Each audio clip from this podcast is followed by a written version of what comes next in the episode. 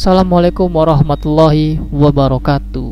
Halo warga sekolah Kembali lagi dengan Capsek Sekolah Horor. Apa kabar kalian semua? Semoga baik-baik saja ya. Di kisah kali ini akan menceritakan mengenai Home Alone. Kisah ini mungkin akan singkat ya Tidak seperti kisah-kisah lainnya. Kisah ini adalah pengalaman dari seseorang yang bernama Faye. Seperti judulnya kan sudah ketebak ya, home alone yang berarti sendirian di rumah. Nah, kira-kira kejadian apa saja nih yang dialami Faye selama di rumah? Cerita ini bersumber dari akun Twitter @grisela. Sebelum kalian mendengarkan cerita ini, Capsek akan berterima kasih untuk like, share, dan komen kalian di video ini. Lanjut saja, saatnya kelas dimulai.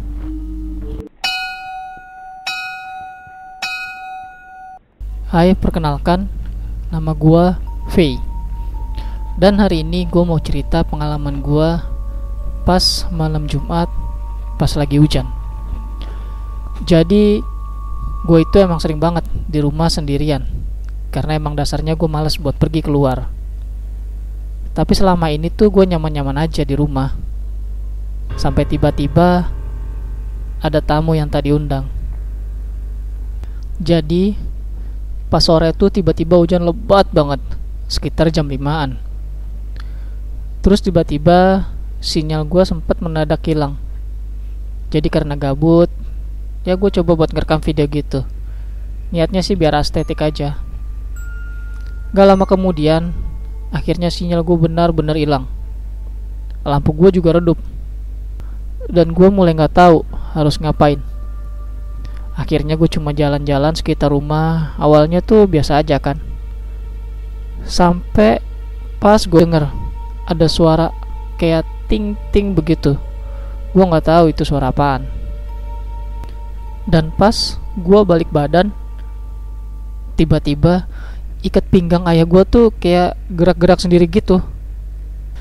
Tapi di sini gue masih berani ngerekam.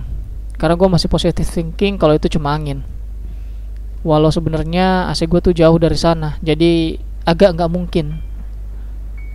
Nah pas gue balik lagi ke kasur nggak lama kemudian tuh gue denger kayak ada yang ngetik-ngetik lemari gue dan anehnya habis ketukannya udah berhenti lampu gue tuh mati. Dan ternyata mati listrik juga dong. Asli gue takut banget. Karena gue udah mikir kalau gue tuh digangguin Terus akhirnya karena takut, gue langsung lari ke kamar kakak gue. Karena di situ ada jendela gede dan masih bisa ada cahaya yang masuk. Dan sampai sana gue langsung kunci pintu dan lompat ke kasurnya. Karena sinyalnya mati, gue sosibo aja, buka-buka galeri di HP gue. Niatnya sih biar rasa takut gue ke distract. Tapi nggak lama kemudian, gue tuh ngeliat dengan jelas pulpen kakak gue tuh jatuh dari meja. Jujur gue takut banget. Karena gue tuh nggak ngidupin AC kan? Karena mati listrik tadi. Dan akhirnya gue coba ngerekam ke arah meja kakak gue just in case kalau ada barang yang jatuh lagi buat bukti. Dan gue rekam sampai semenitan tapi nggak ada apa-apa. Eh terus pas gue mau matiin lemnya malah jatuh dong terus akhirnya gue langsung telepon ortu gue karena gue udah panik banget. Gue coba buat manggil tapi gak diangkat juga. Dan pas gue lagi manggil ke yang empat kalinya tiba-tiba gue ngerasa gak enak gitu. Terus gue sempat lihat keliling. Soalnya gue bingung banget kenapa tiba-tiba ngerasa gak enak. Eh nggak taunya listriknya tiba-tiba nyala lagi. Dan di situ gue udah merasa seneng tapi pas gue lihat ke atas, yang niatnya sebenarnya mau ngeliat lampu, ternyata ada kepala nemplok di atas, lehernya panjang, lidahnya juga panjang, dan mulutnya robek. Seketika gue langsung lari dan teriak keluar rumah. Hingga beberapa menit kemudian, akhirnya ortu gue pulang.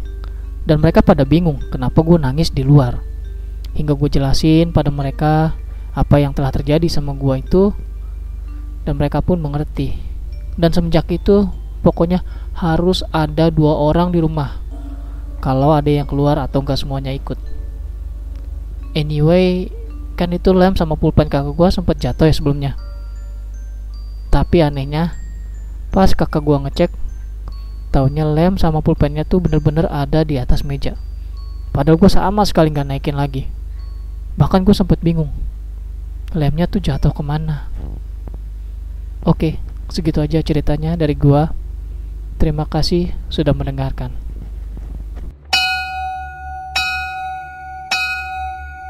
Itu dia cerita mengenai Home Alone. Kalian pernah nggak sih merasa kalau tempat yang biasanya menurut kalian itu nyaman-nyaman aja, namun tiba-tiba berubah menjadi tempat yang menakutkan? Itu terjadi biasanya karena ada hal-hal yang memicunya atau memang begitu saja ya. Pokoknya di mana pun kita berada, pasti ada makhluk astral yang hidupnya pun berdampingan dengan kita. Namun, kita pun jangan lupa bahwa ada Sang Pencipta yang selalu menemani kita. Terima kasih pokoknya buat kalian warga sekolah yang telah mendengarkan cerita ini. Dan terima kasih juga kepada akun Twitter @grisela yang telah memberikan kami izin untuk membacakan cerita ini. Jangan lupa like dan share video ini agar warga sekolah horor semakin bertambah. Dan sampai jumpa di kelas berikutnya.